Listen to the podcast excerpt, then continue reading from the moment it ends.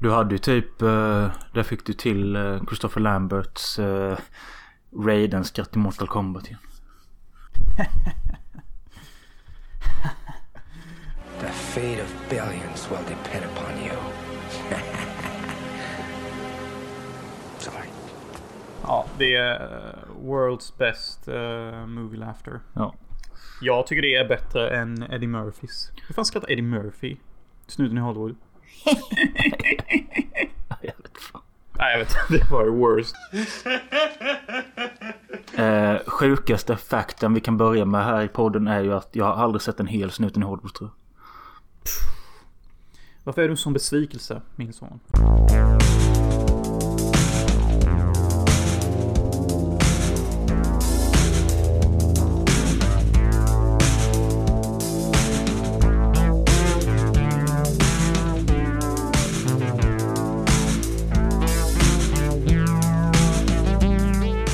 Mitt namn är Robin Möller och det här är Filmosofi Podcast. Idag lett av Mr Jonas Hansen. Så jag tänker bara Yes. softa. Idag är det lätt av mig, Jonas Hansen, Gestapo-överste SS. Sorry. Jag vet inte var det kommer ifrån. I had to, I guess. Ehm, idag pratar vi om reinkarnation, död, kärlek och livet. Plus eh, annan eh, sjuk skit. Ja, och jag sa i Insta-videon jag precis gjorde att jag har varit lite död idag. Eh, för jag... eh, jag har som vi pratade senast blivit ett år äldre. Eh, Just det. Fan, sorry. 100%. Grattis. ja, tack, tack. Men alltså det sjuka är jag är fan 29 nu och det låter så jävla tungt. Ehm, och jag- jag tänkte så här liksom. Att tänk, när vi började podden så var jag typ 24 eller 25. Och det känns både som igår och så känns det också som en evighet sen. Det är fan sant. Det är rätt sjukt att du säger att du har tänkt på podden. För jag tänkte också på podden igår tror jag. Eller förrgår något. Och så tänkte jag speciellt på avsnittet eh, när vi sitter inne i din garderob av någon anledning. En dag första gången. Det är ju ofta det avsnittet man tänker på men jag vet inte varför. Nej men det är för att vi båda säger att vi har haft ångest i veckan. Och jag dricker White Russian eller någonting och du... Eh, jag vet inte fan vad du dricker. Men nej, vi båda dricker vaniljvodka. Blandas med något. Ja just det. Just det. Så det tänkte jag på. Men okej, du har fyllt um, 29. Några andra sjuka tankar? Nej, att eh, jag... Eh, vad är det för dag idag? Det är lördag och det var i torsdags jag fyllde år. Och jag har sedan den dagen, eller jag har inte haft så mycket åldersångest så. Men jag har, det är nog första gången jag tänker så mycket på min ålder. Eh, för att jag har fyllt år sen jag typ var 25 och tyckte 25 var liksom bara Fuck me, vad har tiden gått? Och nu liksom bara 29. 29, still no wife, still no kids, still no career. Men jag har ju mer, jag har ju mer wife nu än vi hade då. ja, det är sant det. Eh, Det är sant det. Men vadå Så det är- sen, ja, jag tror inte... Det hade ju varit kul, inte för att jag orkade, men hade man spolat tillbaka till typ det avsnittet. För jag tror typ vi pratar om vår framtidsvision och sånt där och... Eh, jag tror inte direkt att jag säger där att ah, när jag är 29 ska jag ha wife, kid och career. Men det är klart man kan. Nej. Nej, och jag, jag försöker inte dissa det på något sätt. Jag ser ju inte det som ett slags att man har lyckats i livet för att man har fru, barn och karriär. Eh, för mig är ju lycka att typ vara rik, hälsosam och lycklig. Ja. Det kanske är för vissa att ha karriär och barn och skit och fan vet jag. Men sen har du alltid den där lilla fördelen att du fyller år så sent på året. Så du, eh, du har nästan ett år på dig fram tills du kommer till mig. Jag har alltid ett år. Det känns som jag alltid är ett år yngre än alla bara för att jag är född i november. Ja. typ. Alltså jag är 28 hur länge som helst. Ja. Hur länge var du 28? typ inte, inte alls länge. typ två månader. Ja. Det är ju typ så det måste kännas Ja. typ. Så det är, det är fett. Det är fett bad alltså. Men en annan sak jag reagerade på, på det här med åldern. Att vi pratade lite om det i förra avsnittet med. Eller du nämnde att eh, knark och rave och allt sånt har sin tid. Och liksom kroppen återhämtar sig inte lika bra och sånt. Och jag bara kände Mm. nu i... För igår kväll så drack jag och grannen typ sex öl var eller något. Och idag, idag när jag vaknade så bara okej det känns som jag injicerat heroin i tinningen och typ blivit gruppmisshandlad och... Eh, alltså jag fattar inte bara... Jag tänkte så bara okej jag har teoretiskt sett blivit ett år äldre. Är det, där, är det nu det börjar vända att man, bakfyllorna blir hemska? Damn you 30. Nej, och, Det är ju den. och likadant att min mage känns ju som, känns ju som jag varit på, vad fan är de kallar det i Det stora tabberaset i Katthult. När de har ätit som Du- fan i Nej. Lönneberga. Mycket koskit i baljan. Ja. Shit, shit. Jag hade en Ja. eh, jobbkollega här över innan. Vi drack två koppar kaffe. Sen satt jag på toan i typ 40 minuter. Fy fuck. Alltså men du är ju typ rätt resistent mot kaffe. Du kan ju typ dricka det och inte bli hype alls. Men du skiter rätt ordentligt av kaffe. Ja, Ja. that's the truth. Medan du typ kan dricka en shot kaffe och vilja springa maraton. ja, tyvärr. Alltså det är så jävla intensivt. Jag älskar fucking kaffe. Så jag har köpt decaf bara så jag ska kunna dricka det oftare. Utan att bli helt jävla Ross Geller typ. Men tror du att... Alltså jag, jag, jag tror ju självklart på faktumet att eh, folk reagerar hårdare på olika saker. Men tror du inte också att du får en typ en placeboeffekt? Vadå placebo? Jag menar typ att eh, du tänker så här att den här koppen kaffe kommer göra mig helt hyper. Och så bara för att du dricker den så bara blir du helt hyper placeboaktigt. Kanske faktiskt. För, du, för du, nog- ställ, du har alltid ställt in dig på bara att dricka den här koppen kaffe då jävlar liksom. Ja men det är ju så. Det är ju fan cocaine. Det är cocaine. Ehm, så ja. Så jag har decaf-kaffe. Uh, dricker du något nu förresten? Jag har precis druckit eh, en återställargrogg eh, som bestod av renat och cola. Nu, Mm. nu dricker jag min sista flasköl Andersson. Usch. Ja, Tung skit. tung skit. Själv, själv dricker jag lite rödvin här. För att jag vill ändå ha en viss eh, sofistikation på podden. Okej, sorry. Säger vi. Sorry. Säger vi. Inte för att jag direkt bryr mig om det. Alltså. eh, men alltså din katt verkar ju inte vilja ha sofistikation på, på podden. Nej, Men, för hon... Jag såg vad, vad fucking eh, Enigma gjorde. det är så jävla kul att Simon, han vet att katten heter Enja. Men bara för att det finns ett snarlikt band som heter Enigma som också gör typ skum musik. Då tror han att hon heter Enigma. Så grannen kallar honom det också. Ja, henne kallar han Enigma. Ja. Fan vad sjukt att vi båda tänker likadant här. Men ja, jag la upp ett klipp igår när jag hade precis hällt upp min drink Aqua Velva. Hade inte ens börjat dricka den, tänkte jag skulle ta ett foto på den. Och så började katten sätta sig. Jag tänkte jag mer filma då, hon kunde gå runt i bakgrunden. Välter hon ut glaset första hon gör och jag skriker din jävla hor. Alltså jag såg det typ tio gånger. Det är sånt jävla fitt beteende. Typical cat behavior. Ja, Jag- jag fick, jag- jag fick en kommentar med av en gammal kompis som skrev att eh, så typiskt kattbeteende. Så sk- skrev jag att ja, och det är inte så att jag går och välter ut hennes kattskål eller sånt. Men jag kanske ska börja göra det. Men då skrev han bara du kanske har gjort det när du har varit full och så hemma och sånt. Gör det en gång och filma se hur hon reagerar. Ja. Men ja, jag visade min tjej det också. Hon bara There you go. The beast of the devil. Men jag ska lägga ut det klippet så ni andra får se det också. Jag har ju, ja men jag ska bara säga det, men jag har ju varit ganska aktiv nu med att filma grejer de senaste dagarna. För jag la ju till exempel upp mitt coronatest som finns också att se på. Det finns att se på min privata Facebook och på Film och Sofies eh, eftersnacksgrupp. Och på YouTube. Tror du, bara snabbt, du behöver inte gå in på djupet. Tror du covid-19 är en scam? Nej. Och Nej. det är så jävla kul att du gör det. Jag tycker det är klyschigt som fan. Nej men det, Alltså- det är så jävla typiskt dig för du ska ställa in på någonting som är bevisat runt hela världen. Bara, it's a scam, it's a hoax. Ja. Du har läst någon lite jävla Breivik på nätet som sitter och skriver bara nej. Jag, jag tror att eh, jag tror det är staterna. Det är de som har gjort detta liksom. Eller någon ja, japan som har hittat på detta. Och det är bara jag gillar den här killen. Ja. Vi kan säga det är så. Eh, jag orkar inte gå in på det för djupet. För att det är redan så jävla mycket si och jag och hur och ha. Ja. Men eh, jag undrar lite i veckan här typ. Har du sett några sjuka filmer bara så vi kan öppna upp folk, befolkningen lite till vad man har sett i veckan? Jag har sett en uh, bögthriller som eh, heter Stranger by the Lake. Som handlar om en liten strand. Jätte... Äh, stranden är inte så fin men vattnet de badar i ser helt underbart ut. Detta utspelar sig i Frankrike och eh, där träffas homosexuella män för att eh, knulla lite under dagen. Vissa står bara och runkar i ett hörn. Och där följer vi en kille som blir kåt i en annan kille. Och den killen har eventuellt mördat en annan bög. Och så är det liksom så en liten thriller där på stranden. Utspelar sig bara vid den här stranden, vilket jag gillade. Men den, jag gillade inte upplösningen och den höll inte hela vägen. Insert gay joke. Typ bara filmen kom aldrig riktigt fram. Nej, men däremot kommer de i filmen och det är explicit sex så man får se liksom kukar komma. Typ. Vet du vad jag tycker är lite irriterande? Alltså, jag uppskattar ju en bögthriller precis som vilken annan xenofil som helst. Ja. Men vad fan hände med alla coola lesbiska filmer? Tänk att jag visste att du skulle säga det. Ja men alltså, helt ärligt, vad, vad är alla lesbiska filmer? Nej, jag vet inte faktiskt. Det gör så jävla mycket bögfilmer.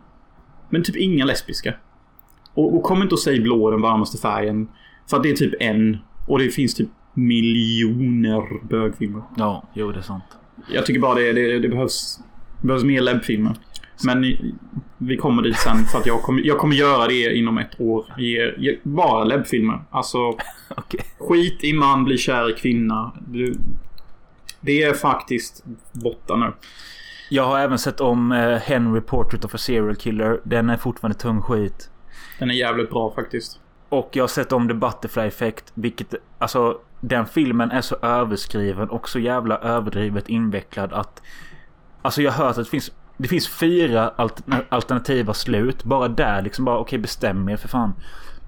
Eh, och filmen är liksom... Det finns en bra film där men eh, den är... Den har, den har förstört sig själv typ. Ja, jag håller med lite. Det, det är rätt sjukt att ha sett den faktiskt. För att eh, jag funderade också på att se den här om dagen eller för några veckor sedan. Med Natalie. Men vi hittade den inte på Netflix. Nej okej. Så det var skitsamma med den. Jag har inte sett den sen vi såg den i skolan sist i typ eh, högstadiet faktiskt. Nej okej. Nej men då när, jag, då när jag var i den åldern då gillade jag filmen mycket. Men det är väl för att det är lite ungdom och sånt som gör lite hyss och sånt. Men nu vet det fan alltså. Ja, en sista jag ska nämna är Enemy. Eh, med Jake Gyllenhaal. Jag har sett den en gång innan och den är också så sjukt intressant. Alltså det handlar ju om Jake Gyllenhaal som eh, är ganska deprimerad lärare och eh, han får ett filmtips av en kollega. Eh, men Gyllenhaal säger så, alltså jag gillar inte ens film. Men bara så säger den andra bara. Nej men om du nu ska se en film som är lite upplyftande så se den här så säger han en titel. Gyllenhaal bestämmer sig för att ja, jag är ändå deppig, jag kan väl lika gärna ge en film en chans. Så ser han denna filmen och en eh, statist i bakgrunden ser otroligt lik ut han själv. Så han blir lite besatt av detta bara och kollar eftertexten bara vem fan är det? Söker upp honom, ser att han har varit med i några andra filmer som statist. Eh, hyr de här filmerna också och då ser han liksom att det är ju för fan jag som är i den här filmen. Och tycker det blir skitobehagligt och försöker leta upp det här namnet och eh, liksom börjar inse att det finns verkligen en total kopia utav mig och eh, ja, den är, den är jävligt intressant, jävligt spännande. Den är ju skev. Jag har faktiskt sett de första 30 minuterna på den här filmen. Och jag har en kommentar. Den gula filmen. Ja, just det, den är jävligt gulbrunaktig. ja. Vem vill se den gula filmen? Nej, den är jävligt gul. Eh, jag vet inte om det är bara ett tråkigt stilval eller om det försöker säga någonting, men den är jävligt gul. Ja, alltså jag tyckte det är en väldigt intressant premiss. Men jag vet inte riktigt vad jag tyckte om den. Jag tyckte typ den var pretentiös på något sätt. Jo, den är ju lite i sitt egna rövhål för eh, den har ju också någon slags eh, någonting man kan läsa in med taranteller, alltså eh, spindl, spindeln tarantella. För den typ eh, äter upp sin, eh, sitt, sitt, den den ligger med eller något sånt och ett par gånger i filmen så dyker det upp någon referens till en spindel och jag fattar ingenting men det gör det intressant. Hmm, det är så jävla intressant att du säger det. Påminner om Demon City, en anime från typ 87. Där huvudpersonen ligger med en kvinna sen förvandlas kvinnan till en typ en superstor spindel typ försöker gadda huvudpersonen. Okej. Och det också bygger på det här. Vad är det med spindlar och sex egentligen? Varför finns inte Freud i liv så han kan svara på dessa frågor? Jag vet faktiskt inte. Men ja, om vi move on. så här är det det ju. är bara en sak till. Nu vet jag att det är du som kör avsnitt, men jag måste bara få nämna en grej till och det är att eh, vi, eh, räcker det inte med Filmosofi Podcast om man vill höra mer av min eminenta röst så kan man söka Filmfett Solo på Spotify och lyssna när jag var med och gästade där och pratade om filmen Class of 99. Mm. Underbar film. Kul att du var med där. Och också, eftersom vi ändå gör reklam och sån skit. Gå in och bli medlem på Patreon. Filmosofi Podcast Patreon. För att ni får tillgång till så mycket sjuk skit. Speciellt när vi snackar om Dolphin Lover. The man who fucked the dolphin with his heart. Ni vill inte missa den skiten. Nej, Eller jag vet, ni vill inte missa att höra den skiten. Eller vad fan man säger. precis. Eh, Och eh, det är patreon.com slash filmosofi. Vi har fått två nya medlemmar. Så vi är snart, vi är snart uppe i vår gamla summa. Så vi snart slipper betala podden själv. Och eh, ja, gå in och st- stötta oss. För vi är mer aktiva nu och det kommer komma Vi så. Fett aktiva. Vi är värsta Elon Musk. Vi, vi ska tjäna så mycket cash, bli så stora, åka till Mass. Vi ska podda på Mass. Yeah. Inte, in, inte inom snar framtid, men typ när, när vi fyller 50 kanske. Kan vi köra en podd på Mass. Tack vare er. Joina. Nästa gång vi kör en Patreon så kommer vi också snacka om nya Beck. Vår favorit hatkärlek. Jag hatar Beck, men jag älskar det. Mölle känner säkert likadant. Ja, men den nya filmen är släppt och vi ska se den snart och lägga en Patreon-podd på den. Mm, och vi ska dissekera den som en groda på biologilektionen. Och bara mm, knulla den. Sånt fick vi aldrig göra på biologin ju. Nej, för att den gången vi skulle göra det med Dr. Rutger eller vad vår lärare hette. Så var han sjuk. Det kommer jag fan inte ihåg. Eller vad hette han? Stefan Sauk? Han hette något sånt. Men, Rutger menar, Sauk. menar du Sverker Finning? Ja, just det. Ja, Men det var fan inte så långt ifrån. Nej. Eh, jag, har förresten hört att han är död. Ah, shit. Vi lägger in Tears in Heaven här. Så har vi tyst 30 sekunder för honom. Han var en rätt unik och cool lärare. Ehm, tydligen så fick jag lära mig för honom att ätikasyra uh, kommer från en myrstack. Okej. Om det är sant, det tror jag inte. Jag tror bara att de här jävla kemiböckerna vi läste var jävligt gamla. För vet du vad, för fan, nu är jag lite arg. Vet du vad jag fick lära mig på, på fucking matlektionerna? Nej. Ja, vi, vi skulle göra maträtter och det skulle ha en balanserad kost. Så hade jag massa gurka då på min maträtt. Jag bara, gurka är en bra grönsak. Tror du inte jag får kritiken från min lärare att gurka innehåller ju mest vatten? Det är ju som en manet typ. Alltså du får egentligen bara vatten. Jag bara, vad fan vet du din jävla kossa? Vet du hur mycket gott gurka innehåller? Du får bättre andedräkt. Det är anticancer. Det hjälper tarmarna att sköljas bättre. Så fuck you, gå och ät en manet och dra åt helvete med din jävla skit. Du, dissekera, dissa inte min gurka. Elinor hette hon. Nej, det var inte Elinor. Vi hade en annan jävla Ja matlärare. just det ja. ja. Just det. Men jag blir så arg. Du snackar inte skit om gurkan när du inte vet allt om den. Nej, jag håller med dig. Tack. Men ja, Tears in Heaven för Sverker Finning. Yes. Och alla som lyssnar som kommer från Hyltetrakterna som hade han som lärare. Han var rätt skoj. Han var, han var skön. Ja, Så- nu räcker det med gamla lä- lärare.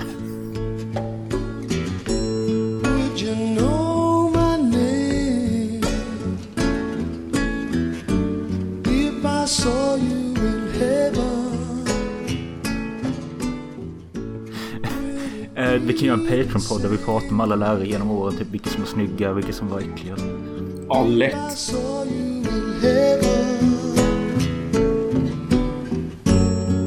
I must be strong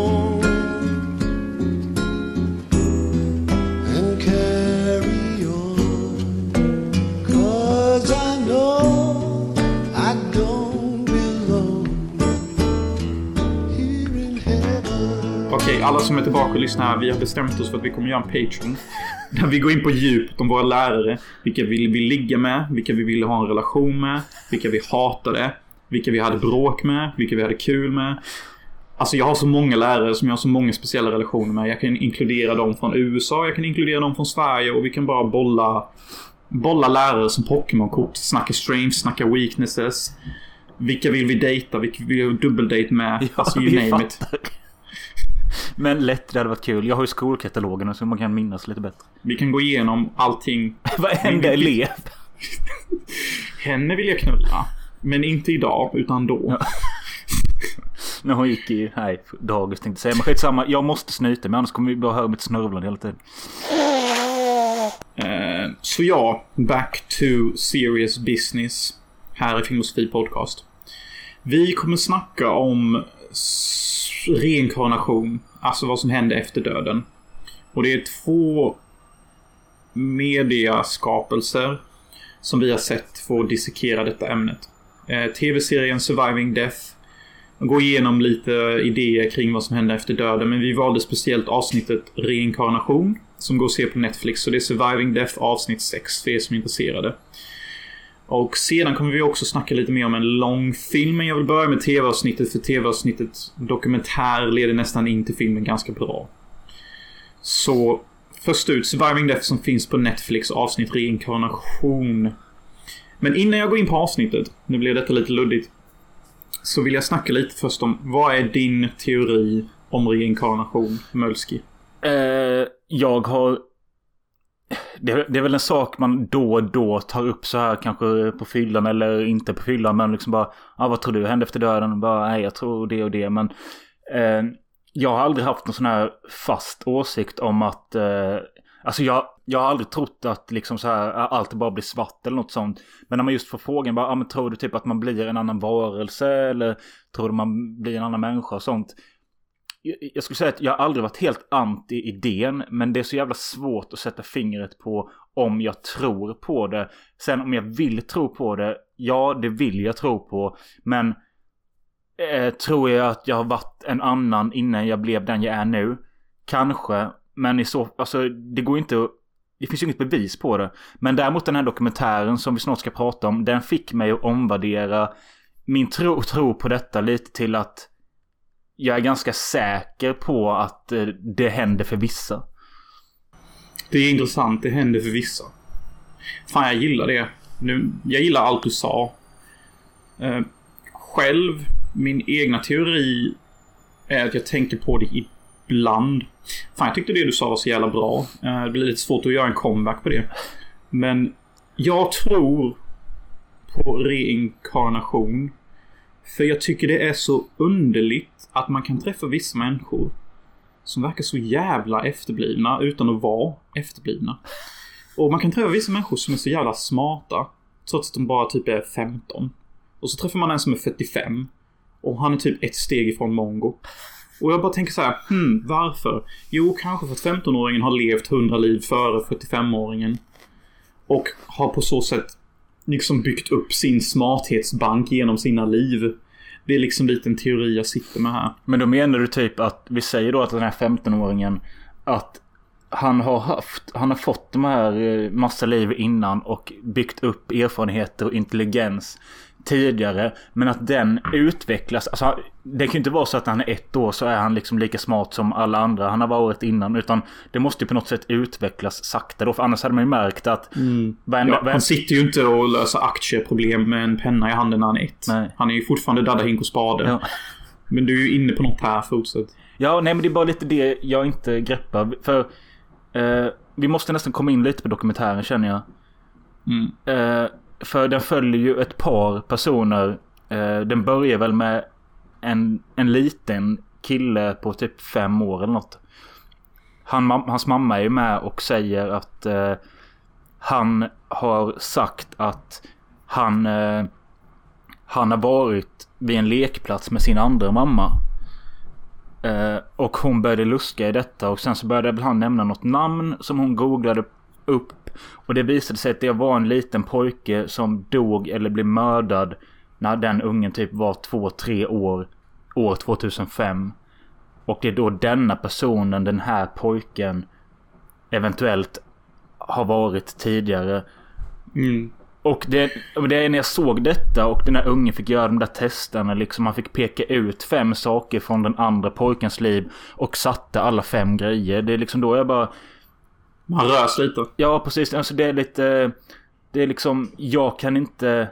Visst, det är tv. Allting kan vara fake. Men väljer man att tänka att detta är på riktigt. Då går det ju inte att bara blunda. Bara, nej, det där är bara bullshit. Han bara hade tur, den ungen. Ja, men det kommer ju också in ett proffs också. Och de visar ju faktiskt en bild på några bilder, typ vem av du var du denna innan? Så pekar han ut Jackson Ryan, ja. säger vi. Som då var den ungen som blev mördad. Och han kommer ihåg då att han var någon svart unge som blev mördad på någon jävla skolgård. Han får peka ut mamman och eh, lekplatsen och ja. Mm. Och jag tyckte det var så sjukt intressant att i den här dokumentären så väljer de specifikt att attackera, eller ja, analysera barn. För att det är så ofta när barn växer upp då vuxna typ bara placerar ideologier och idéer i deras huvud. Typ bara nej, du har inte varit någon innan. Drömmar är bara på. Gud är sann. Du kommer till himlen efter du dör. Jag vill minnas när jag själv var barn så såg jag massa skumma grejer. Som jag inte ser nu i vuxen ålder. Typ vad? Jag kan, jag kan speciellt minnas när jag skulle... Jag vet inte om det var en dröm eller om jag sömngick. Eller om jag var vaken. Men jag kommer ihåg att jag såg en stor jävla demon i min trappuppgång. Som typ bara sa någonting bara Go, Go back to your room and sleep, or you will face death and punishment. Fast på typ svenska eller någonting. Inte fan vet jag, men det var typ det jag hörde. Livrädd för den här jävla stora demonen som typ såg ut som en jävla... Ja, inte fan vet jag. Djävulen kanske. Och såg massa sån sjuk skit som barn. Hade återkommande drömmar om katter och sånt. Sånt som jag inte har typ alls längre. Men det är också sjukt att du på... Alltså att du kommer ihåg det här. Men jag förstår liksom att det har gjort stort avtryck. Men jag kan ju inte säga att jag... Jag kan inte komma ihåg en återkommande dröm jag hade när jag var liten eller något sånt. Eh, Eh, så det måste ju gjort något intryck på dig. och Du måste ju varit säker på att du antingen har sett detta eller drömt detta för att komma ihåg. Ja, och jag kommer ihåg att jag hade tre drömmar. Men jag minns bara en av dem nu. Och det var om en svart katt. Och jag drömde alltid samma dröm i nästan flera månaders tid. Jag tror jag drömde de här drömmarna typ 30 gånger om. Ungefär lite som den unge ser samma film, typ såhär 30 gånger i rad. Typ bara, jag älskar denna scenen, jag vill se den igen. Fast i drömmar då. Och jag... Jag älskar ju katter, men alltså jag gjorde ju inte det när jag var barn, för de här mardrömmarna var ju skitskrämmande. Ja. Men sen bara försvann allt det. Och jag tror det är den här dokumentären försöker gå in på att när de blir äldre så typ försvinner de här minnena om ett tidigare liv typ. Och ja, men sen så de har ju den här experten som säger att även han är ju också lite kritisk mot morsan och säger liksom så här till kameran att även om mamman skulle typ printat in allt detta i den här fyraåringens huvud så har vi gjort ett sånt test att liksom det finns chansen att ungen pekar ut fem rätta bilder är typ det finns inte. Eh, och det gör ju han liksom mer eh, Han tror ju också på det här fallet typ. Att den här ungen har varit den här Jackson eller vad han heter. Men ja, alltså jag vet inte, jag får så många sjuka tankar bara när jag ser detta för att jag har ju en rätt speciell vän i Sverige som tror på reinkarnation och sånt och hon säger typ att när man dör så får man typ gå igenom med sin så kallade spirit guide om vilket liv man vill ha efteråt. För att lära sig nya kunskaper för att kunna växa som själsperson typ. Men typ som att varje person som dör eh, får ett val. Och då kan man typ välja mellan att jag vill bli reinkarnerad i en annan människa eller jag vill bli jord eller jag vill bli spöke. Liksom vadå? Typ så. Ja, typ så. Så, ditt, så din själ då, när du dog i ditt förra liv, du kanske var gruvarbetare i eh, Eskimoland säger vi. Ja. Och du bara, nej, jag, nästa liv vill jag fan eh, bli älskad och jag vill, jag vill vara en filmnörd och jag vill inte bry mig om politik och jag vill bara vara en skön pike som dricker på helgerna. Och boom, du lever ditt drömliv. Du ska typ lära dig någonting om livet till nästa liv. Men kan det inte också varit så då? Alltså, eller tror du att alla återföds så? Eller vi säger så här att det finns ingen...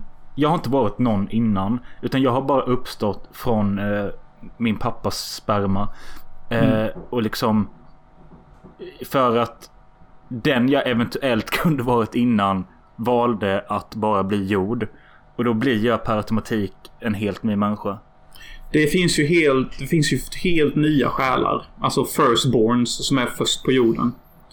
Och för att ge ett exempel så att folk, så vanliga människor kan förstå. Vi tar tv-serien Vänner. Joey Tribbiani är... Det är hans första tid på jorden.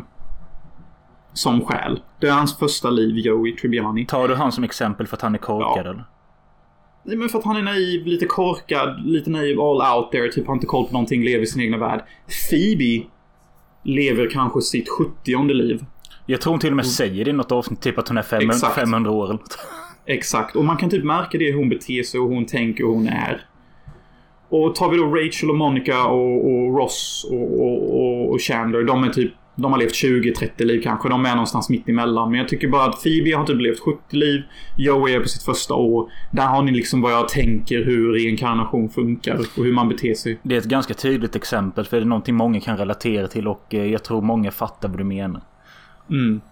Och det var så sjukt. Jag kommer ihåg att jag träffade en speciell människa, en Uber-driver i LA. Som körde oss och mig och min tjej till Ikea. de har Ikea i LA. Det största Ikea någonsin. I Burbank. Så jävla coolt. Okej. Skitsamma. Han, han var så jävla skum. Han bara This is like my first time on earth but I just hate how money and power just drives everything. I wish it would be love and, and happiness. Jag, jag skojar inte. Han var så här. Och sen så bara jag, jag sa typ någon sjuk skit bara This is your first time on earth. det är typ som man snackar med LA-folk. Han bara Yes it is. Och jag bara Yeah you know You're just gonna have to get used to it. And he was like Yeah but I don't wanna. Och jag bara Okej, okay, you know. Ja men det, det, det, det, det är såna, det är vid sådana tillfällen jag menar ifall man stöter ihop med någon som är sån eller liksom är riktigt flummig och out there. Så antingen så tänker man bara Alltså nej, det vanligaste man tänker på bara okej, okay, chilla med LSD så kanske du... Ja, eller så är det ju verkligen så att liksom de är så medvetna om att eh, detta är deras första eller hundrade gång på jorden. Bara det att ingen kommer lyssna på dem, ingen kommer tro på dem. Så därför är det bara lättare att säga bara I did some shrooms. Exakt. Det sjuka är att han ser exakt ut som uh, Jared Leto från American Psycho. Alltså, det, det, han var ju ja. klädd likadant med. Men ja, så lite så. Men det är det jag menar. Alltså, det är ganska intressant med halluci hallucinogena droger med typ LSD och svampar och sånt. För det är många som liksom typ... Eh, de säger liksom att du ska ju inte ta LSD och sånt ifall du är på ett bad place redan liksom i ditt liv. Nej, nej, nej. Eh, för att det kan liksom öppna grejer som skapar mer ångest och mer rädsla och sånt. Men andra sidan finns det sådana som liksom hävdar att de har liksom funnit kanske mening med livet och liksom förstår saker på ett helt nytt sätt och liksom har kanske sett andra världar, sett andra versioner av sig själv under drogruset. Som kanske eventuellt är en, eh, vet du, vad ska jag säga, typ en resa i huvudet till ett annat jag som har funnits. Damn. Nej men jag tänker liksom det är lite så. Alltså, vi säger de som har liksom verkligen experimenterat med droger. De, alltså visst, du kanske bara blivit loco. Men sen är det sådana som liksom bara. Jag var verkligen på... Eh, jag var verkligen i Ryssland och jag höll på och slåss med en björn. Men fan vet om inte det är en, liksom ett minne från någon annan människa som han har varit. Exakt, exakt. Det är just därför detta du berättar som jag vill prova ayahuasca i Amsterdam. Och gå igenom hela den kuren där man går igenom sina tidigare liv. Man leds av någon jävla shaman och så får man reda på allt detta. Dock kostar det 30 000 kronor så jag får vänta lite med det. Ja. Men ja, jag, jag håller med om din teori där. Alltså jag, fan, här, jag tänker bara säga det direkt nu. Jag tror på reinkarnation. Bra. Jag sätter, ner, jag sätter ner foten här, jag tror på det. Och min plan är att jag vill komma ihåg detta liv jag har nu i mitt nästa liv. Så att alla rikedom och alla filmer och allting jag bygger upp i detta livet. Så vill jag ge en speciell kod till någon speciell bankadvokat och säga så här om någon kommer och ger dig denna koden, vem det än är, så ska du ge honom eller henne allting. Det kan typ vara Starkiller 77 säger vi. Så i min nästa liv... när jag Stoppa, växer, jag hänger inte med. Vad fan är Starkiller 77? Det är min koden till, min, Jaha, okay. till all mina rikedomar. Ja, okay. Så Starkiller 77 är koden. nu vet ni det. Jag, jag dör. Okej, okay, jag är död. Ja. Eh, så jag blir en ny människa. Kvinna, tight som fan säger vi. Så går jag till denna bankadvokaten och så säger jag Starkiller 77. För att jag är så vis och så medveten om livet. Att jag kommer ihåg mitt förra liv och så får jag alla mina rikedomar. Och så, så, så är jag bara en människa som lever och lever och lever och lever och lever. Make detta någonting sens? Ja, jag fattar vad du menar. Men det är det jag menar. Om du... Tro, men vi säger så här då. Tror du att du har varit någon innan? Ja, och jag kommer säga det sjuk. Sjuk vem jag tror jag varit innan. Okej. Okay. Klaus Kinski. Okej. Okay. Ja, ja, ja, jag hoppas det är sant. Eh, jag, jag, vet inte när han dog, men han måste väl ha dött innan du föddes? Han dog 92. Jaha, okej. Okay. Han dog i april någon gång kanske. Men alltså min själ, alltså har man varit Klaus Kinski så behöver man nog lite tid mm. i, i Spiritland innan man tar en ny människa. Ja. Ja. ja. ja. Men, eh, ja, men tror du så här då att kan man bara Eh, kan man bara ha varit en människa innan eller kan jag ha varit en fjäril eller en jävla gråsugga innan? Nu går vi in på djupa saker. Men jag tror faktiskt man kan ha varit något litet djur emellan också. För man kan ju ha vissa spirit animals. Som sagt, jag drömde jättemycket om svarta katter. Skulle inte förvåna mig om jag varit en svart katt i livet. Jag har rätt många kattegenskaper. Jag kan typ sitta i hörn och ta in omgivningen och bara vara för mig själv. Och jag älskar att vara för mig själv. Men jag behöver typ någon som tar hand om mig. Och Typical cat Och behavior. du tvättar ditt kön med din tunga. Om jag kunde, svar jag. Ja. Men, eh, ja, nej, för jag menar det. Om man kommer då till limboland efter döden så bara... Nej, men jag, nu har jag varit människa här i ett par jävla omgångar. Så nu tänker jag vara en liten pippifågel. Ja, varför inte liksom? Jag tror det är helt möjligt alltså. Men tror du, varför... tror du också här också då att... Vi säger om... Eh, när jag kommer till limboland och... Eh, vi säger då, eh, där är det någon som avgör. Om vi nu ska också dra in Gud och djävulen i detta, ifall det finns. Så om man kommer till limboland där då så... Ja, du har skött dig bra. Du får välja något fint att bli. Eller du har skött dig dåligt. Du kommer eh, återfödas som en vanlig pojke. Men du kommer sen växa upp och bli heroinist. Då är det typ straffet. Lärdomen att lära sig att se livet från ett eh, heroinistliv. Alltså jag har mött många knarkare som är helt nere i skiten. Men fan vad de kan vara mycket smartare än en lyckad person som typ har ett 9 to 5 och lägenhet och fru. Alltså ibland när jag snackar med en sån person, 9 to 5 person, så bara Har du något intellektuellhet eller bara var du väldigt duktig på att följa strömmen? Däremot går jag ner och snackar med en heroinist eller en knarkare som typ bara är två sekunder från att dö. Jag bara fan du har fan mycket brains. Hur fan kommer det sig att du är så jävla loser? Ja, det är sådana du brukar gå ner och snacka med. Ja, jag går ner här.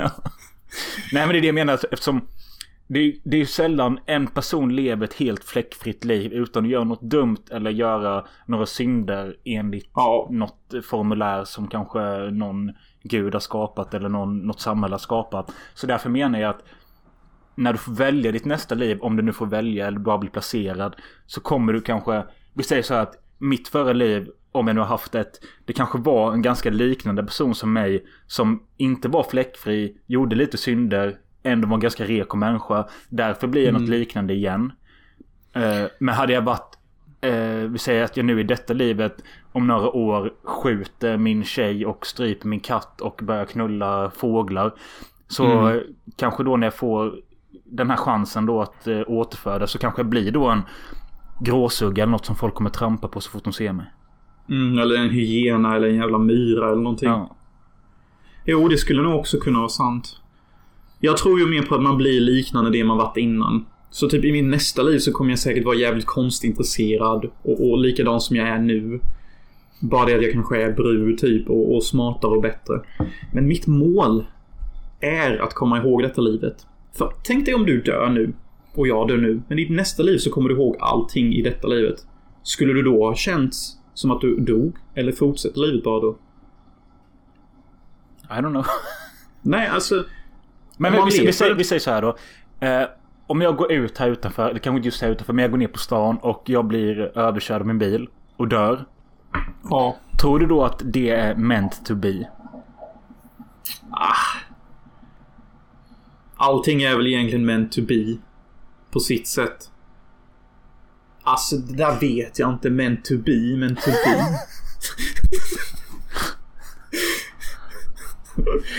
Nej, det är en klurig fråga.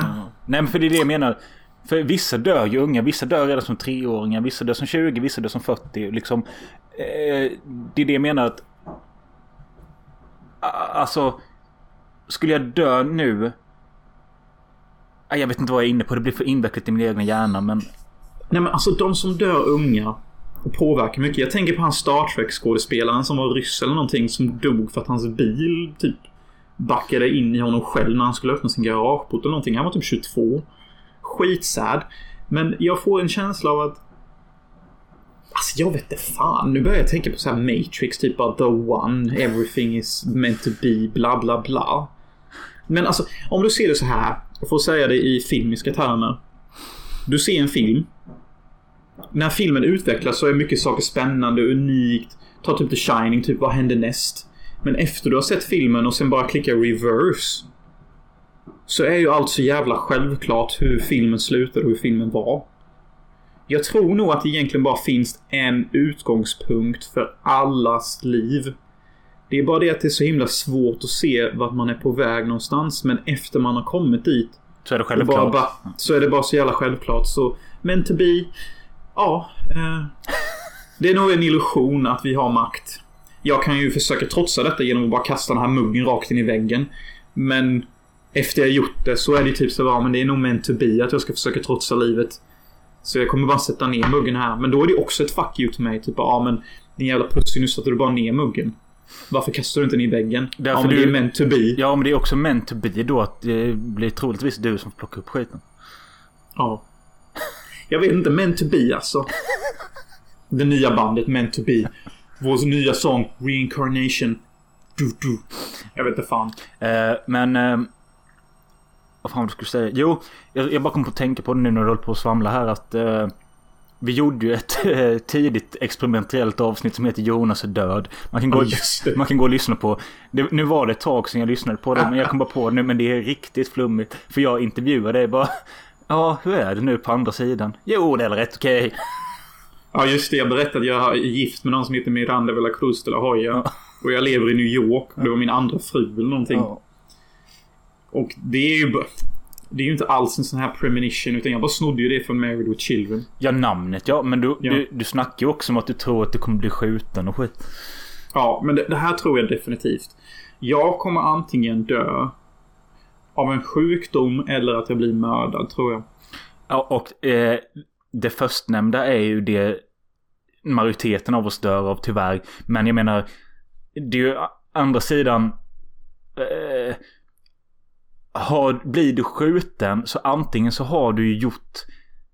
Antingen har du beblandat dig med sjuka människor eller så har du gjort något dumt.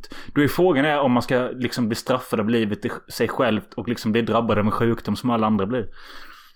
Jag tror bara att jag är alldeles för före min tid. Och när jag väl börjar göra filmer så tror jag att det är för många som kommer bara bli rubbed the wrong way. Det är typ min teori. Det blir som vet han eh, eh, Pasolini som blev, eh, blev inte ihjälkörd efter salupremiären eller något sånt. Exakt. Kanske jag var Pasolini i mitt förra liv också, nu när du ändå sa det.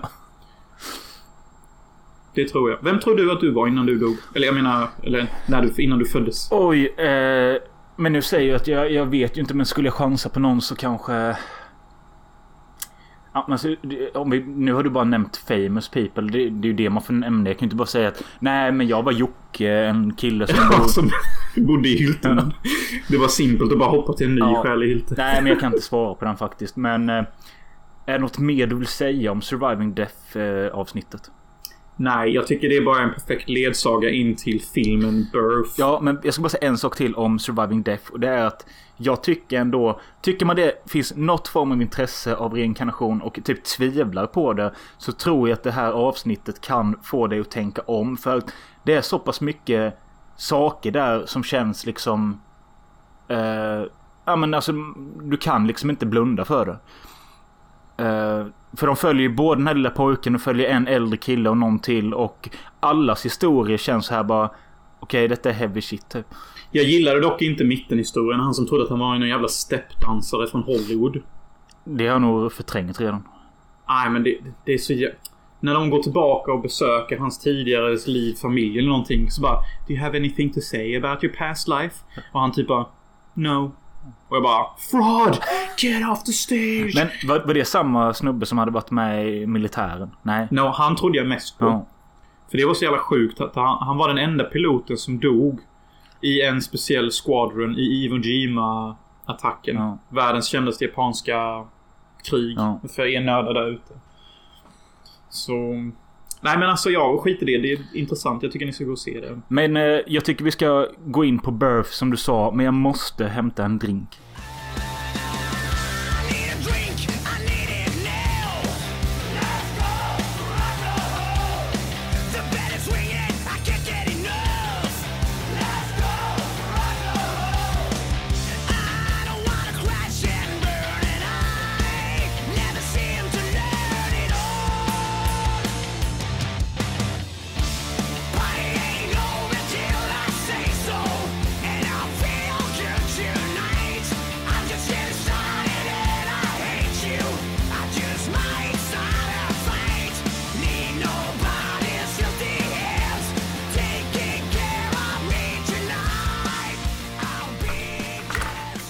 Check out this bad boy. Fy fan, det ser så jävla gott ut. Ser ut som den blåa filmen i en drink. Ja. Är det inte någon av de filmerna som typ kretsar lite kring reinkarnation? Är det typ inte en blå film? Ingen jävla aning faktiskt. Jag minns bara att jag tyckte bara om den blåa filmen. Tycker den vita filmen är hur seg som helst. Och den röda filmen är väl typ helt sådär. Mm.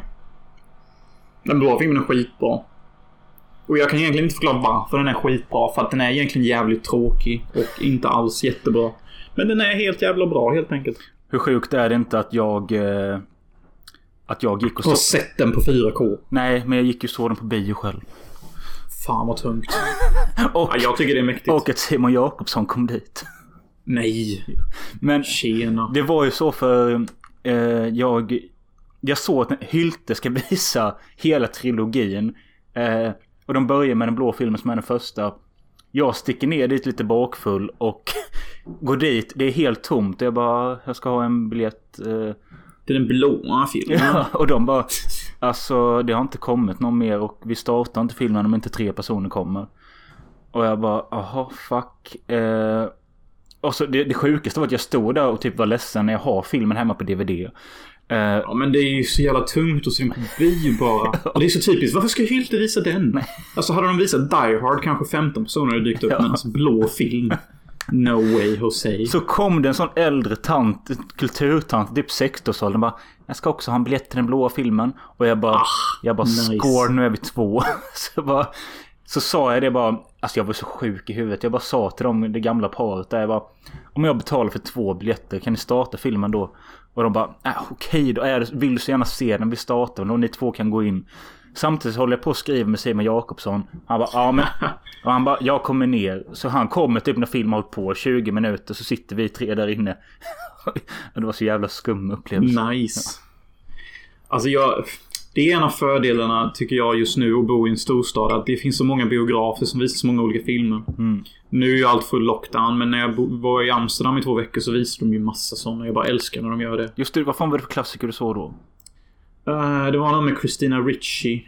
Uh, någon 90-talsrulle. Minns fan inte. Men jag, jag, fan, jag ville så jävligt gärna se Persona. Ja just det. Alltså slicka mig vad jag ville se den. Men den, den, den skulle spelas en vecka senare så jag, kunde, jag var inte kvar i landet då. Nej men det är ju kul att se sånt på bio och liksom Men det kändes bara Jag var kanske typ ja, 24-25 här, hur, hur pretentiös liten äcklig pojke är jag som går ner till bion för att se den blåa filmen av Krzysztof Kieslowski själv, själv på bio liksom. Den blåa filmen. Det är ju inte så att tje, tje, tjejer flockas efter mig. Nej. Hade ni velat se en film som heter Den blåa filmen?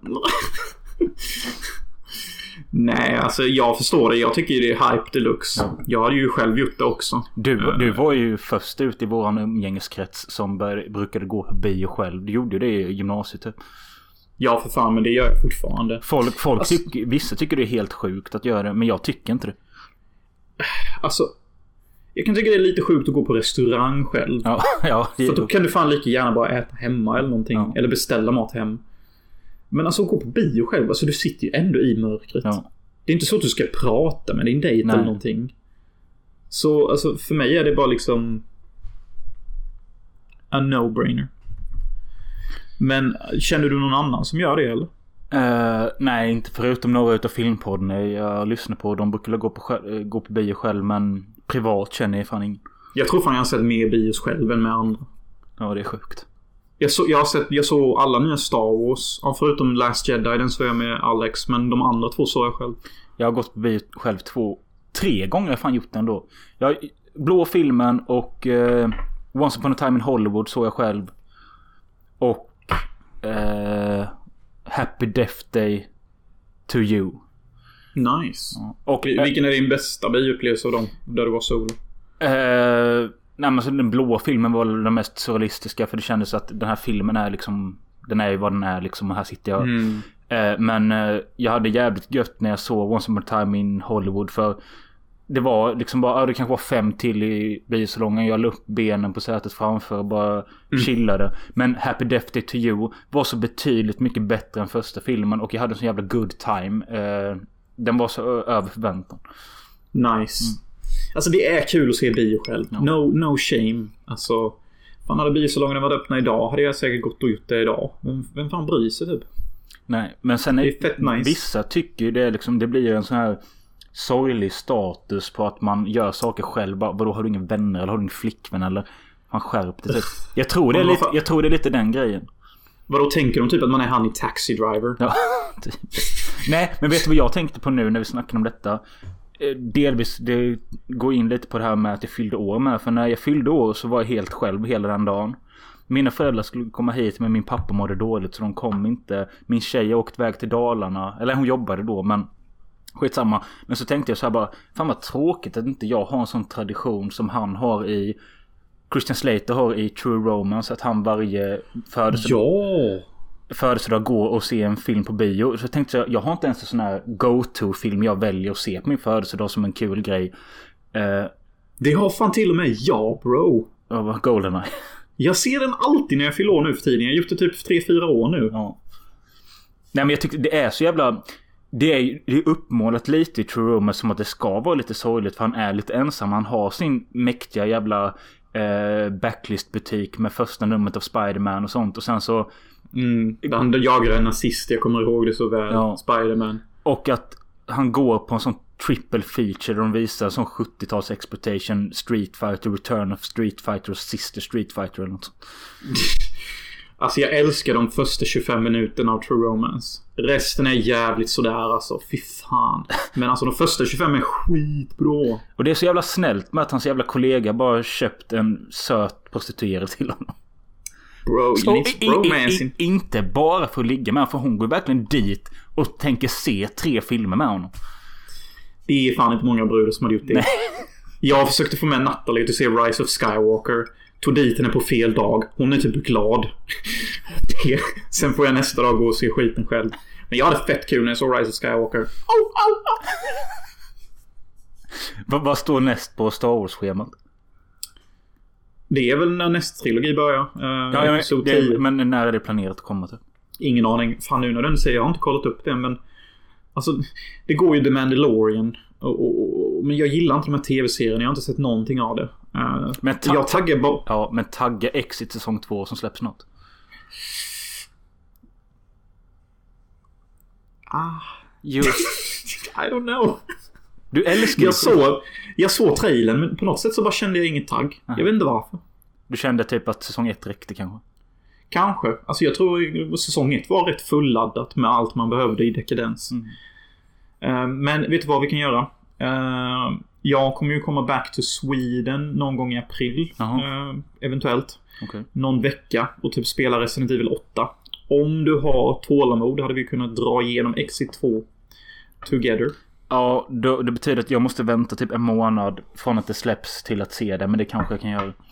Fuck, den är ju lite tung. Du kanske ändå vill podda om den och vara lite aktuell också. Ja, men vi, vi kan se lite om det. Men va, va, Vi löser ska, det. Vänta, stopp. Hold your fucking horses. Du ska komma tillbaka till Sverige för att spela Resident Evil 8. Är det därför du ska komma hit? Ja. Jag tänkte att jag skulle köpa det för att min brorsa har ett Playstation. Så slipper Så jag... du ska inte komma hit till exempel för att träffa din jävla kusins nya barn och du ska inte träffa din familj. Nej, jag ska vara till Sverige för att spela Resident Evil 8. Jag har ju ny släkt, jag har lite vänner, men Resident Evil 8 alltså. Det... Okej, jag märker hur det kommer ut. Men... Resident Evil 8 bro. Nej men jag vill ju jättegärna träffa min brors barn och dig och allihopa. Men... Om jag har liksom Resident Evil 8. Som, en, så, som, en, som en liten morot att ja, då kanske jag kan komma. Nu när jag säger detta så låter det helt sjukt. Det är verkligen det jag tänker på. Ja, det är kul. Det är så classic day på något sätt också. Det är liksom, alltså, jag, jag tror säkert att innerst inne där så vet du att det finns någonting mer än spelet. Men det är det som är moroten. Det är det som lockar. Alltså nu sitter jag nästan och skrattar och skäms samtidigt. Ja, men det är kul. Vem är, vem är jag? Resident Evil 8. Ja. Nej men vad fan, det ser fett tungt ut spelet. Vi har, inte, Och- vi har inte nämnt det i podden, men Jonas är fucking uncle. Uncle Jonas. Uncle Jonas! Uncle Jonas! Och du har inte träffat ungen? Nej, nej. Nej. Han heter Hugo. Jag ville ju att ungen skulle heta något sjukt som typ Hugo Wallenberg Hansson 33 eller någonting. Men no no. Alltså jag vill veta vad dina barn kommer heta typ. No kids. Nej. Filippa, Men om, om jag får barn. Claire och Leon. Claire, Hoface, Giz, Cum. Giz, Gizcam. Och, och Leon Thundercock. Båda är dum till att bli påskön. Ja. I'd be proud. Men vad fan, vi, eh, nu har vi svamlat här ett tag. Ska vi gå in på temat igen? Ja, just det. Birth. Starring Nicole Kidman. You know that I loved Sean. You know so much. Taken me this long, and I can't get him out of my system. I can't. Too many memories.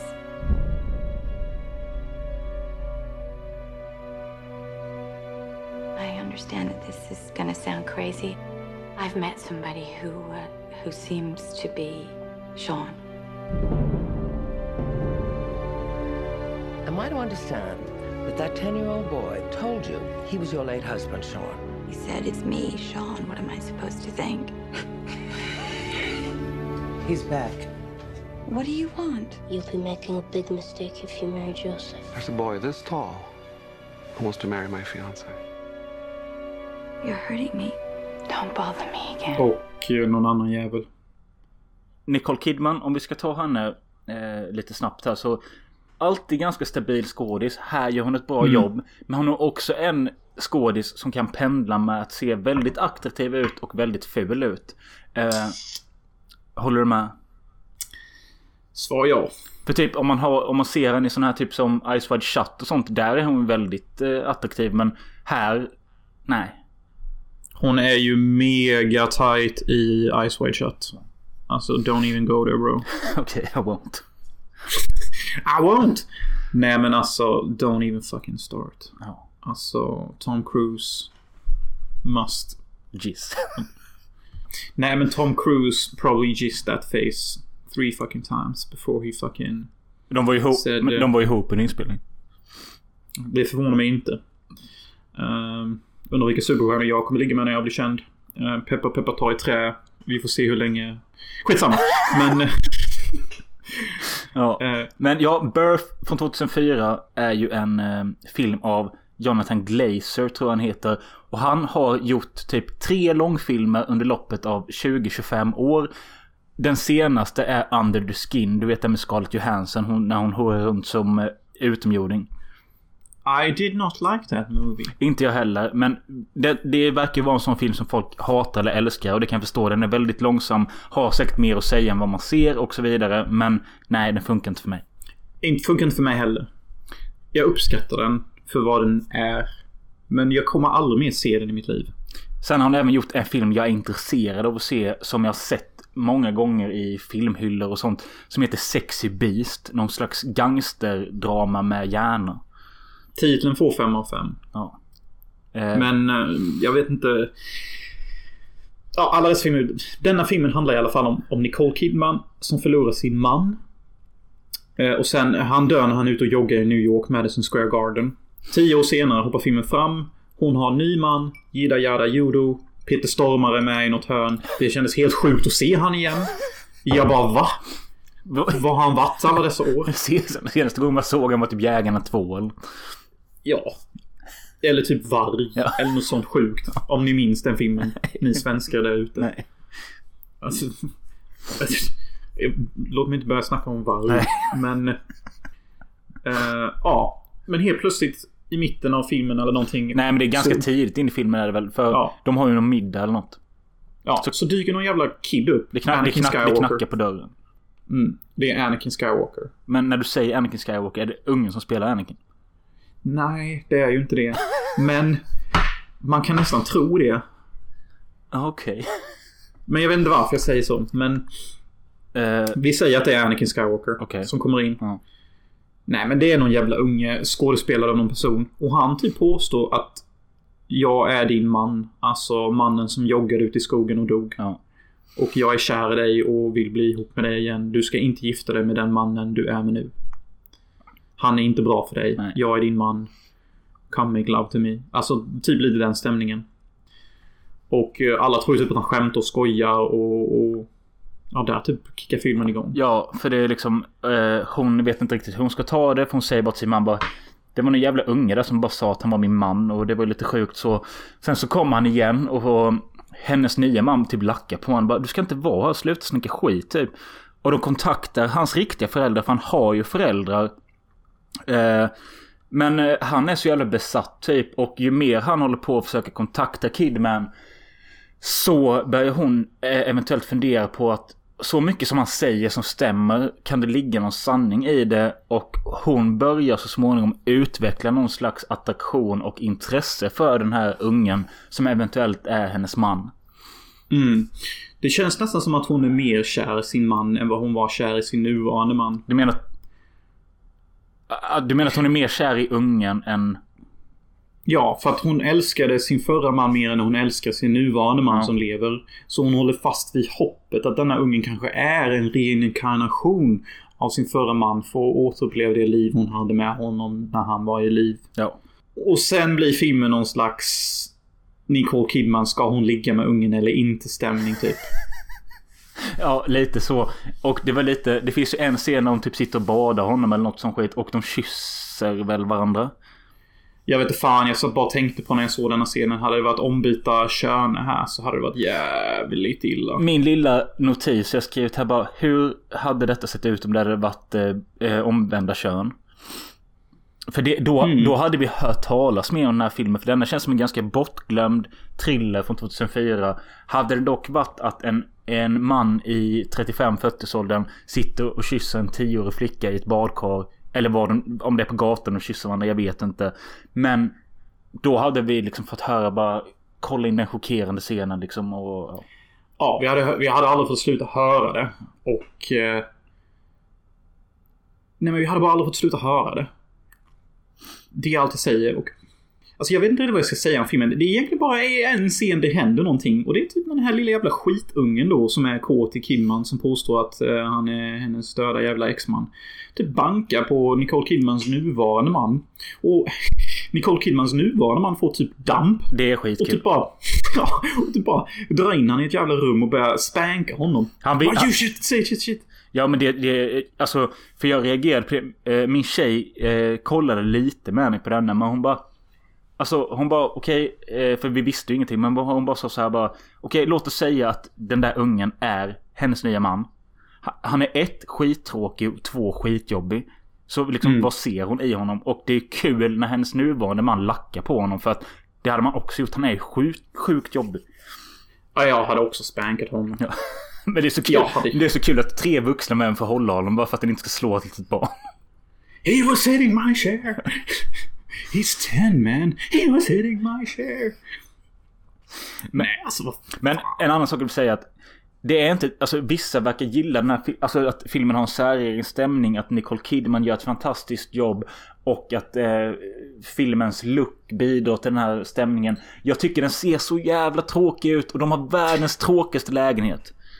Ja. Det finns dock en jävligt bra sekvens i filmen som min filmla, eh, min skådespelare John Coppola tog upp. Stopp, när vi stopp, över- stopp. Eh, jag ska bara chansa på vilken scen det är. Mm. Eh, och det, det är en scen där eh, Kidman har träffat ungen igen och hon och hennes nuvarande går på någon jävla opera eller någon bio och de Mm. sitter och zoomar in på hennes face eller något sånt och hon eh, bara har massa e- expressions i typ två minuter. Ja. Nicole Kidman säger typ till den här lilla ungen typ men alltså jag är inte kär i dig och du är inte min döda man och bla bla bla. Och typ den här lilla ungen faller ner på knä skitdramatiskt. Någon jävla uh, Wagner-ton kommer in bara. Dum. Nicole Kidman flippar ur. Och sen så är det en två minuters stillbild som zoomar in på hennes ansikte typ. När de sitter och kollar på teater. Och Coppola visade denna scenen för han sa Det här är hur man skådespelar när man har en närbild på sig. Kolla hur duktig Kidman är. Och visst. Ja, för jag kommer ihåg filmen. Jag bara, vad fan det är ju denna filmen. Han visade ju den här scenen som ett exempel i skolan. Ja, okej. Nej, för att Så- jag reagerade väl lite på det när jag såg det. För jag reagerade väl mer på det här just att han bara trillar ihop av typ brustet hjärta och de här tonerna. Men det var så jävla komiskt nästan. och to- Han dör som en jävla eh, bov typ. Som att han blir skjuten typ bara. Alltså han dör inte om han trillar ihop. Det ser bara fake ut. Och sen har vi den här scenen. Jag, jag, alltså när jag sökte på Birth Movie på YouTube. Då är det den här scenen som kommer upp. Och jag såg kommentarer på Letterboxd bara. That scene. That fucking scene. Så, Vilken scen snackar du ja om? men det är den scenen de menar. Ja, den. Ja, filmen har egentligen bara två scener. Och det är när han spankar den lilla ungen. När de är i badkaret kan vi väl säga. Och den scenen med närbilden. Annars tycker jag det är nästan lite ironiskt och komiskt. I slutet när den lilla ungen säger till Kidman Nothing really happened anyway. Typ om hela incidenten och händelsen och, och hur han är bara Nothing really happened. Och jag bara Det är fan en kommentar på filmen. Nothing really happened. Men det, För det är fan ingenting som händer i filmen typ. det är lite synd ändå för att det är så jävla mycket som är intressant. Bara det att, alltså, Inget fucking händer. nej men vi säger så här att eh, grejen med att det kommer hem en tioåring som säger att jag är din man och så, det är ju jättebra. Mm. Men sen så hade de kunnat göra något mer intressant av det. Mer än att de drar in ytterligare en kvinnlig karaktär som är egentligen ihop med Peter Stormare. Som har haft en affär med den här mannen när han var ihop med Kidman. Det tycker jag är det sämsta med den här filmen. Att de drar in den här grejen med henne. Jag fattar inte ens vad det har att göra med filmen. Och jag fattar inte vad Peter Stormare har att göra. Ska inte du gå och vara med i typ Fast and the Furious eller något coolt? Alltså... Jag vet inte. Alltså, det sjuka är att jag tyckte inte om denna filmen. Nej. Men jag kan fortfarande finna mig själv sitta och tänka på filmens innebörd. Och jag skulle säga likadant. Alltså, jag, jag tror jag satt hela tiden under filmens gång bara. Jag vill gilla detta mer än vad jag gör, men det tar emot. Det är intressant, men det är inte tillräckligt intressant i filmmässig väg. Och Ja. liksom... Eh, jag har inte betygsatt den än för jag har funderat på den ett par dagar och så, men... Eh, först tänkte jag bara, ja men det får en trea. Men nu funderar jag liksom två och en halv. Men jag tror också att detta är en film som kan vinna på en omtitt, men jag är inte sugen på det. Inte jag heller. Men jag tyckte bara det var intressant. Om man nu tar och ser Surviving Death först, tv-serien som vi snackade om innan med de här ungarna som upplevt ett tidigare liv. Och sen jämför ungarnas beteende med den här ungens beteende i Birth. Så är det ju typ nästan som att Birth Har sett den här dokumentären. är ett perfekt exempel på hur det kan se ut i en film om man tar samma premiss. Och sätter det i någon slags dramaturgisk handling. Två av våra mest eh, trogna lyssnare har kommenterat denna filmen på Letterboxd. Eh, Nummer ett, jag tänker läsa kommentaren här. Detta är ju utan deras vetskap, men liksom det ligger ut för allmänheten. Jag får läsa upp vad jag vill. Eh, Filmfreak 1, en av våra största patrons. Eh, han har skrivit ett, att detta är en highly underrated and misunderstood beautiful filmmaking. Yeah, sure. Alltså så här, jag tycker att jag skulle inte säga att den är underskattad. Däremot skulle jag säga att den kanske är lite bortglömd. Den kanske förtjänar lite mer rampljus. Men... Eh, misunderstood. Men Men alltså- alltså, det är intressant för jag vill veta vad han menar med misunderstood. Men misunderstood. Jag med. Alltså det, det är ju sant det han säger. Jag håller ju med. Jag vet bara inte om det är en film för mig typ.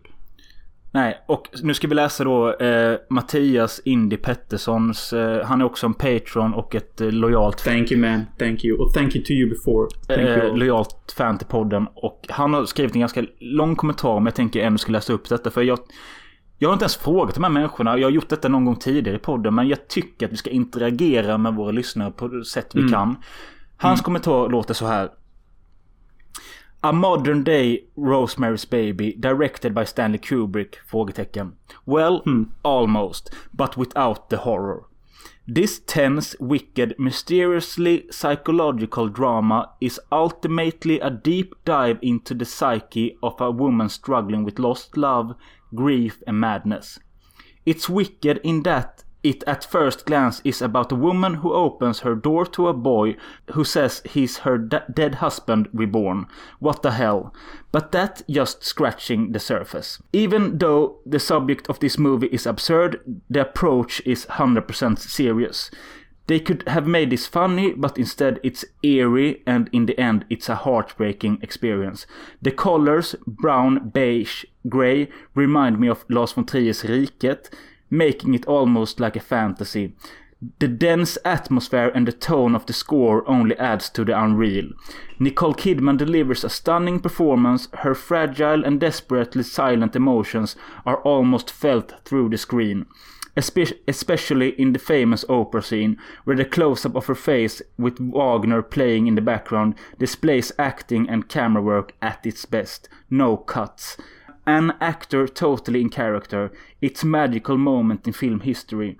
Birth left me in a melancholic state of mind, yet still in amazement. I actually watched it two times in a row and the second time I was even more fascinated. And it made me realize how well crafted this film really is. Even though it's losing steam along the way, a rewatch made complete sense. I don't want to understand it, I just want to experience it. Because it moved me, I would watch it again. Some say this is the most underrated masterpiece in film history. I have to think about that. Jonathan Glazer is without a doubt a master of mood, but this mood is certainly not for everyone. For me, it was deeply fascinating. Jävligt bra skrivet. Jag är ju typ beredd på att hålla med på all sjuk skit han säger. Det är bara det. Det är bara det. Det är inte en film för mig. Nej, precis. Alltså jag behöver mer guns and asses. Ja. Om vi säger så. Men alltså jag, jag håller med dig. Det är jättebra förklarat typ. Det var jättejobbigt att läsa så långt på engelska. Jag har inte gjort det på jättelänge. Så som ni förstår, det är en film som kanske inte är för alla, men för vissa gör den tydligen underverk. Ja men alltså jag köper det. Alltså, men så är det. det. Så kan man ju fan säga om varenda jävla filmjävel. Alltså Fredag den 13 del 3 kan ju fan vara någons favoritfilm. Vilket det säkert är också. Mm. Så nej men alltså det var ju, jag, jag tycker han nådde en bra punkt att även fast jag typ tycker filmen var rätt skit och rätt tråkig. Så går jag ändå fortfarande och tänker på den ibland. Och jag kan ju uppskatta um, skådespelet och, och stilen och, och idén. Jag tycker bara typ att the boring factor is too high. Ja. Alltså slänga in en jaktscen, inte fan vet jag. Ha ungen dampa ur någon gång. Vad som helst typ. Ja, och, och antingen liksom... Okej, jag förstår, det är kanske inte lätt att göra sådana här filmer, men... Eh, jag menar, gå längre mellan eh, den sexuella tension mellan Kidman och ungen. Gå längre mellan våldet mellan eh, mannen och ungen. Eh, Ja, ha ungen kasta kniv på mannen. Ja. Ha ungen slicka Kimban. ja. Alltså, not joking here, but like go for it, Mm. dude. Men eh, ja, detta var vad vi fick typ. Ja. Jag har inget mer att säga om Birth. Det var väl kul att ha sett den. Känns också lite Mm. konstigt med tanke på vilka filmer vi har rört oss i genom åren att man inte har sett den. Kändes det också lite så. Ja, ja. Vet du vilken film Ja. jag började tänka på när jag såg den som jag tänkte man kanske skulle lägga till till detta avsnittet som jag eh, inte ens nämnde till dig? Eh, Nej. Eva Green i filmen Womb. Just det, fan jag älskade den filmen. Hade inte den något liknande tema? Jo, det hade den. Eh, typ hennes man dör och hon, hon föder sonen som är sin man igen i en form av klon och sen så ligger hon med mannen. Jävligt bra skådespel av Eva Green. Really love Eva Green. För jag minns den filmen som bra och väldigt superior till denna på samma Mm. tema. Också att den är samma, lite samma stämning. Ganska lågmäld film utan att... Mm. Men bara det att det blir lite intressantare. Ja, Ja, jag vet inte vad jag ska säga men den var bättre. Utspelar sig också vissa scener på en grå strand typ. Mm. Ja, den var bättre. Den är ju faktiskt en av de filmer jag satt 5 av 5 på. Jag har sett en fyra så jag. Men. Womb rekommenderar vi. Verkligen, verkligen. Ska vi... Ja, det är du som leder avsnittet men jag skulle gärna vilja gå in lite på någonting som har med död att göra men kanske inte så mycket reinkarnation. Fast det kanske du har hittat någonting i dokumentären vi har sett.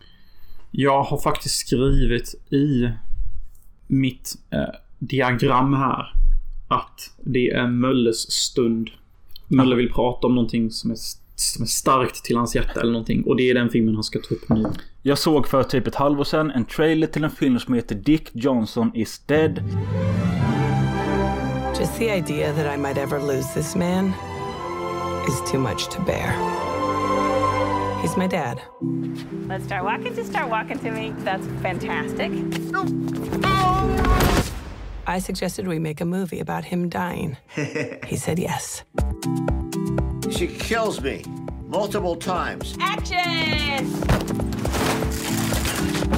The resurrected dad. Yeah, That's- that's resurrected cool. that.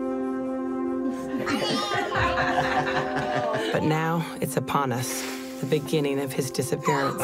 the thing I hate most about my memory loss is that it hurts people's feelings. You know that you woke up in the middle of the night last night. You got fully dressed. Do you remember any of that? No. Yeah.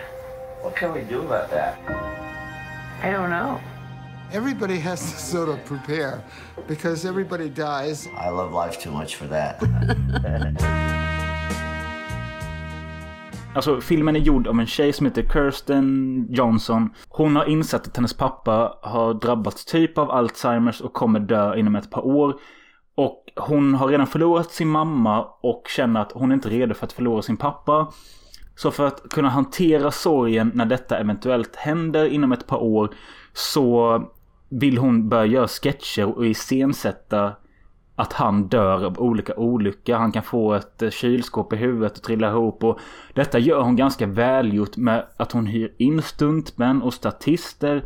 Och hon gör drömska sekvenser om hur hennes pappa kommer ha det underbart i himlen. Där han kommer träffa sin döda fru igen och... Eh, ja, detta var filmen är. Det är både en dokumentär med iscensatta eh, dödsolyckor eh, av sin pappa blandat med att han på riktigt då genom filmen åldras och blir sämre. Eh, och jag tyckte att denna hade en perfekt balans mellan att både vara underhållande, lite rolig och fantastiskt sorglig och fick mig att tänka på döden och att förlora nära och kära. Jag grät två gånger. That's very beautiful. Uh, ja, det, alltså det, filmen är ju allt Möller säger. Uh, själv så kunde jag inte riktigt komma in i filmen. Jag, jag satt helt ärligt talat mest och uppskattade hantverket kring hans filmade dö dödsscener. Ja. Typ hur välgjorda de var när han typ fick ett kylskåp i huvudet eller när en byggarbetare råkade sätta en spik i hans hals och blodet sprutade. Fick mig att tänka precis så här på hur jag kommer göra min egna film, vilka människor jag bör anställa och sånt. Alltså proffs som kan göra duktiga blodscener och sånt. Och... Ja men Det jo typ alltså det det, jag satt och tänkte på. Nej men alltså jag menar det, det kan man ju eh, uppskatta absolut. För det, det är ju mm, schysst hantverk och liksom hon har lagt ner tid på det. Och den här jävla... Alltså det, filmen hade inte funkat om inte den här gamla gubben Dick Johnson hade varit så pass sympatisk och härlig som han ändå är. För att liksom... Han går med på allting och han har oftast ett leende på läpparna och han fattar också att hon gör detta för att jag kommer dö snart. Eh, Han är rätt fin gubbe. Ja. Typ I love life. Ja. I'm living in the moment. Eh, Perfekta Alzheimer... Ja. Alzheimers personer de lever alltid i stunden typ. Ja, men sen också liksom så här att eh, de berättar till och med att eh, hans fru, alltså regissörens mamma, hon dog för att hon ramlade ner för en trappa typ eller något sånt. Och sen så gör Mm. hon en dödsscen där han ramlar ner för trappan och han bara ligger där avslängd och bara okej, lägg benet i en skevare position så att du ser mer död ut. Han bara okej. Ja. Ja, jävligt intressant dokumentär. Ja, men alltså, jag, jag kan förstå typ att folk tycker kanske det är lite så här fel och sjukt det hon gör. Men alltså om man ser det ur en personlig eh, vinkel från hennes hjärta och hjärna. Så får hon göra precis vad hon vill med sin pappa så länge han går med på det. Han tycker ju typ det är kul. Ja, och jag ja. tror det får honom till att tänka mindre på att han är på väg att försvinna in i en angial. Ja. Med sin hjärna. Alltså jag, jag tyckte det blev så jävla fint. Och speciellt scenerna eh, när... Eh, alltså det, första gången jag började få tårar i ögonen. Det var när hon hade... Eh, hon flyttar på sin pappa från... Han, han, han blir pensionär för han fixar inte sitt jobb längre. Hon tar honom till New York och hon säljer hans bil. Och säger till honom att nu får inte du köra mer. För han har tydligen gjort en helt sjuk grej och tagit bilen och bara kört rätt igenom en jävla eh, construction site eller något sånt skit. Och liksom inte fattat att han är fel ute. Och hon tar bilnyckeln för honom och säljer bilen. Och när han inser... Han förstår så jävla väl och man ser på hans ögon att jag förstår, jag ska inte köra mer men jag hade bara velat köra en sista gång liksom. Och han börjar gråta, då började jag med liksom. Jag bara... Mm. Jag tror jag är lite kyligare när jag ser sånt här för att jag har tagit hand om människor som är som Dick Johnson i mitt arbete. Och de säger samma historia också. Att det är just det här när de tar ifrån rätten att få köra bil. Det är då de inser hur långt det har gått och att de inte kan förstå det. Och jag vet inte hur många gånger jag har fått höra den historien. Och jag bara önskar jag kunde få köra bil. Varför tog du min bil? Ja. Är det för att jag, är, jag har Alzheimers? Är jag sjuk i huvudet? Men hon ställer ju också en följdfråga där med att hon bara är, är det just bilen i sig eller är det liksom att du känner liksom ditt, vad fan heter det, din... Eh, alltså att man inte är... Eh, fan är ordet? Eh, att man inte är, inte kapabel utan att man tar bort sin... Eh, inte värdighet heller men liksom att man... Per automatik, det handlar inte om bilen utan det handlar om att okej, nu får jag inte köra mer. Nu är jag den grönsak jag är på väg till att bli liksom. Det är väl insikten som kickar in typ. Ja. Körkort och bil är ju liksom freedom Ja. i Det är ju freedom att kunna köra vad man vill när man vill. Och Ja. det är ju... Har du inte bil alltså, då är det ju buss och tåg som gäller. Ja, men ja, jag vet inte. Det är Och ju sen- inte det, som är poängen heller. Nej, men sen så de här scenerna som hon också iscensätter med en jävla set decor där hon liksom drar in papier-maché-figurer av hans fru och han får dansa runt med henne i ett eh, fejkat, eh, en fejkad himmel och sånt. Det kan bli lite för mycket för tittaren kan jag tänka mig. Jag kan tänka mig att vissa har problem med de här drömska sekvenserna. Medan jag tycker att, ja, de kanske inte hade behövts, men jag tycker också att de är ganska fina på något sätt. Väldigt fina. Det är ju en unik dokumentär. Ja. Jag visste typ inte riktigt vad jag skulle känna och tycka. Och jag tror jag var lite så här... Um, frånkopplad från det. Jag har ju tagit hand om många Alzheimers och döende personer. Så jag har ju typ skapat någon slags mekanism. Så jag, tänk, jag, jag tar ju typ inte riktigt in vad som händer. Men okej, eh, personlig fråga. Tror du det har någonting med din egna pappas bortgång att göra? Ja. Nej men jag, men, jag menar att, liksom att du ser en dokumentär om någonting du varit med om. Som egentligen i sin sak är sorgligare än detta för att den här gubben är mycket äldre. Att du menar bara liksom bara, vad fan är detta liksom? Han är ju ändå 90 typ. Nej, jag, jag, jag, jag vet inte här vad jag ska säga på detta. Jag... Jag Nej. tycker typ det är sad men... Men inte tillräckligt sad. Ja, så kan man säga. Nej, det var fan- många gånger, alltså, nej jag vet inte vad det är med mig men alltså. På senare tid så har jag... Jag tror jag lider mycket av escapism. Ja, men kan du... Ja, det, det gör du säkert och det gör väl typ alla skulle jag säga. Men jag menar att jag förstår ändå inte hur man kan rymma från känslor. För du kan ju typ... Du kan ju typ säkert gråta till någon jävla anime-film eller något som skit där, där någon jävla tentakel stryper något love interest till både huvudkaraktären och per se till dig själv. Ja, jag tror det var så här. Hade, dokumentären handlat om en man som hade cancer och dog av det. Då hade jag nog reagerat lite mer. Men i, nu när det var en man som hade liksom Alzheimers. Så påminner det mer om mitt jobb och hur jag hanterade det då. Ja. Jag, medan jag, jag ser det liksom inte som... Jag, jag, tar det inte som någonting jag relaterar till. Utan jag tänker mig mer in i filmens universum och att... Jo, det är självklart jag tänker så här men... Jag har jag har inte jobbat med sådana här människor men... Eh, jag, jag har förlorat både farmor, farfar mormor och morfar. Ingen av dem blev dement. Eh, eller blev Alzheimer eller helt väck i huvudet. Som tur är för deras skull och för våra anhörigas skull. Men Däremot kan jag, kan jag, få en, jag får en rädsla av att vara med om samma sak med mina föräldrar. Att ska, ska jag behöva vara den som liksom tar nyckeln från dem? Ska jag säga att nu blir det hemmet, fattar du det? Eh, Det är ju lite läskigt också för du bor ju i samma by som dem. ja, Så det blir ju indirekt du som kommer få ta mest hand om dem. ja, precis. Och det är liksom...